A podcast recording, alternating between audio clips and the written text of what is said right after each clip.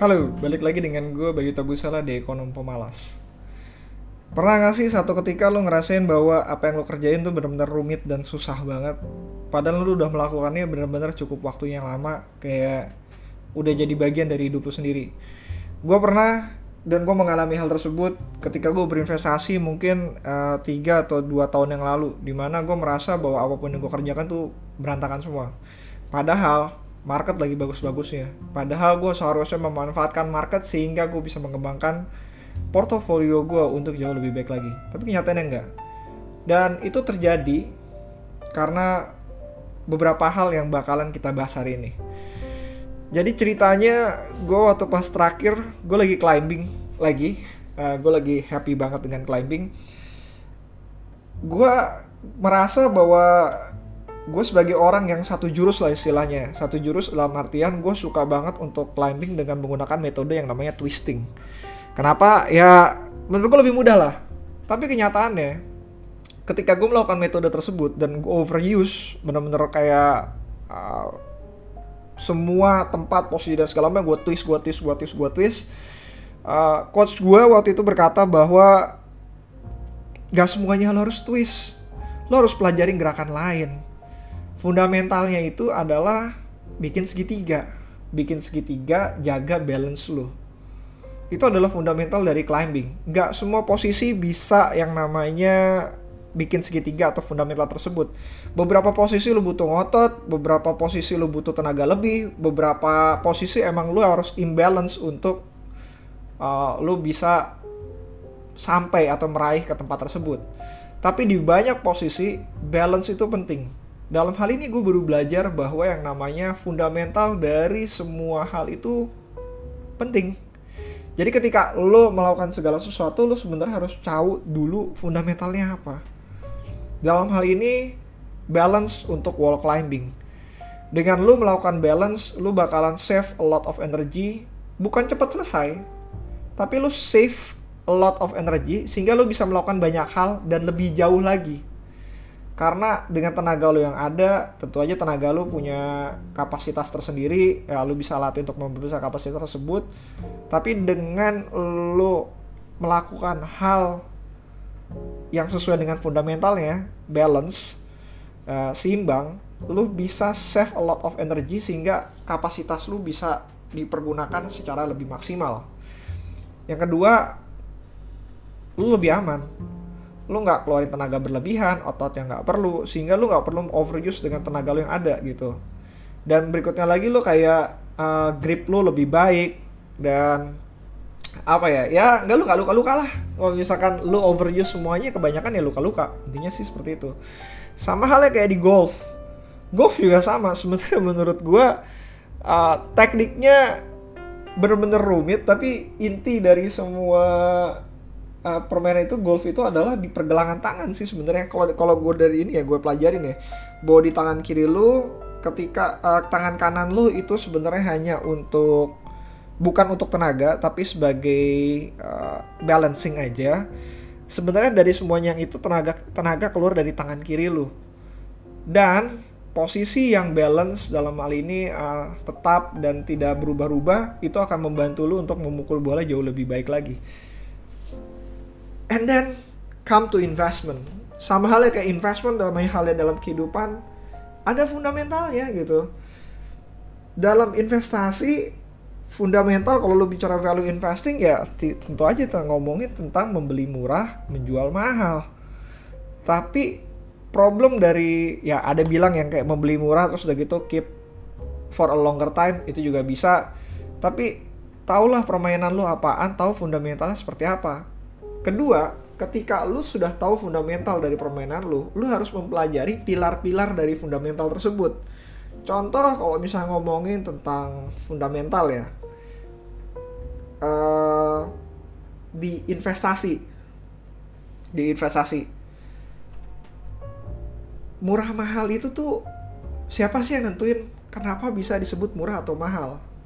Nah itu adalah pilar-pilar dalam bentuk uh, investasi tersebut gitu apakah benar perusahaan ini benar-benar murah? Atau memang sepantasnya dihargai murah? Apakah perusahaan ini punya masa depan atau perusahaan ini nggak ada masa depannya sama sekali? That's it loh.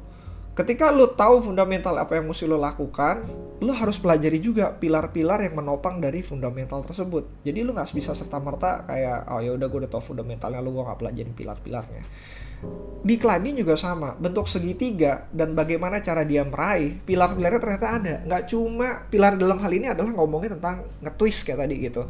Nge-twist sehingga bisa mencapai jangkauannya lebih besar. Ternyata ada lagi yang namanya uh, narik gitu menggunakan tenaga uh, bagian atas tapi di bagian bawahnya uh, kakinya lepas. Nah itu adalah salah satu caranya. Intinya adalah ketika lu punya frameworknya lu harus tahu kenal cara dari framework itu bekerja. Apa aja yang lu harus pelajarin dan hampir semuanya yang lu mesti pelajarin emang lu harus pelajarin. Gue jadi ingat waktu pas gue zaman gue kuliah uh, gimana ya waktu pas gue kuliah gue benci banget yang namanya evaluasi karena harus menggunakan DCF dan menurut gue DCF is kind of bullshit. Karena panjang banget. Dan banyak banget asumsi yang harus digunakan repot banget hitungannya. Tapi itu memang harus dikerjakan. Dosen gue pernah berkata in order to be a successful analyst ya lu mau nggak mau lo harus mengerjakan tangan tangan lo harus kotor dengan hal-hal kayak gini gitu. Dan ketika lu udah paham eh, cara-cara kotor ini dalam artian kayak ya DCF-nya segala macam, lu bisa membuat cara tersebut jadi lebih ringkas, tapi lu bisa paham. Gue kasih contoh deh. Pertama kali gue denger Lokeng ngomong bahwa PE ratio dengan PBV itu adalah cara yang dia gunakan. Gue ngerasa kayak, wah gampang banget nih, valuasi. Cuma begini aja Terus setelah gue pelajarin dan gue pernah ketemu dengan orangnya, gue pernah ngobrol juga dengan dia dan segala macam. Ternyata itu cuma kayak semacam topeng bahwa dengan ngomongin PI murah, PBV murah dan segala macam. Tapi nyatanya dia drill down dari uh, company-nya itu sendiri gitu. Dan dia tahu dengan resiko ketika dia berinvestasi dengan PI murah tersebut. Jadi ketika ditanyain kayak manajemennya gimana nih? Kalau misalnya manajemen bermasalah kayak gimana? Ya MOS-nya cukup tinggi lah gue untuk uh, mengendalikan dalam tanda kutip bukan mengendalikan sih uh, kalau misalkan manajemen bermasalah ya nggak akan jauh turun-turun lebih jauh lagi lah gitu intinya. Asetnya masih ada lah gitu. Atau sum of part ya kalau misalkan dihitung-hitung semuanya bisa jadi lebih besar lah. Intinya seperti itu. Intinya adanya di uh, intinya bukan di PE ataupun PBV ratio tersebut, tapi di drill down dari company-nya itu sendiri. Dan ketika gue mendengarkan Loke Hong hari ini ngomongin bahwa ya udahlah pakai PE atau PBV itu berada di tempat yang jauh benar-benar berbeda ketika gue pertama kali mendengarkannya. Kenapa? Karena sekarang gue mengerti tentang fundamental dari bagaimana Loke Hong itu berpikir. Ketika di awal ngomongin seperti itu, lo akan menggunakan logika dari apa yang lo milikin sehingga lo mungkin merijek ataupun menerima bahwa oh, ini terlalu mudah dan ini atau ini terlalu sulit. Tapi ketika lo sudah mengetahui dalamannya bagaimana cara perusahaan itu bekerja dengan model tadi DCF dan segala macam, bagaimana lo membaca laporan keuangan, bagaimana lo mengetahui bahwa perusahaan ini melakukan fraud atau enggak, lo akan berbicara dengan membicara di hal yang sama dengan pengertian yang benar-benar jauh lebih berbeda dibanding ketika lo pertama kali mempelajarinya. Jadi hang on dengan apa pun yang lo kerjakan karena dari apa pun yang lo kerjakan saat ini dengan segala bentuk kerumitan yang ada, lo akan mempelajari bahwa akan ada framework yang bisa lo milikin di ke depannya untuk mempermudah apa pun yang bisa lo kerjakan sekarang. Tapi kalau misalkan lo cari shortcut saat ini, seperti layaknya gua mencari shortcut untuk climbing lebih cepat, lebih baik dengan cara sendiri tanpa mempelajari segala jenis pilar-pilar dari fundamental itu sendiri. Ya, hasilnya mungkin lo akan kehabisan tenaga jauh lebih cepat, lo akan capek jauh lebih cepat dan lo merasa body lo tuh berantakan habis ya jadi yang gue butuh kasih tahu sama kalian dan gue bakalan mempelajari ini lebih jauh lagi. Menurut gue pertama adalah lo harus tahu fundamental dari apa yang lo kerjakan. Fundamental itu penting. Dan kedua lo harus tahu pilar dari fundamentalnya. Jadi ini adalah satu hal yang gue selalu yang belum pernah gue omongin ya. Gue ngomongin fundamental itu harus berbentuk dengan framework tapi yang lebih penting lagi adalah bagaimana framework itu bekerja dan bagaimana framework itu dibangun. Pilar-pilar inilah yang sebenarnya lu harus pelajarin. Pelajarin secara seluruhannya. It's okay, lu bakalan kecapean untuk mempelajari hal tersebut.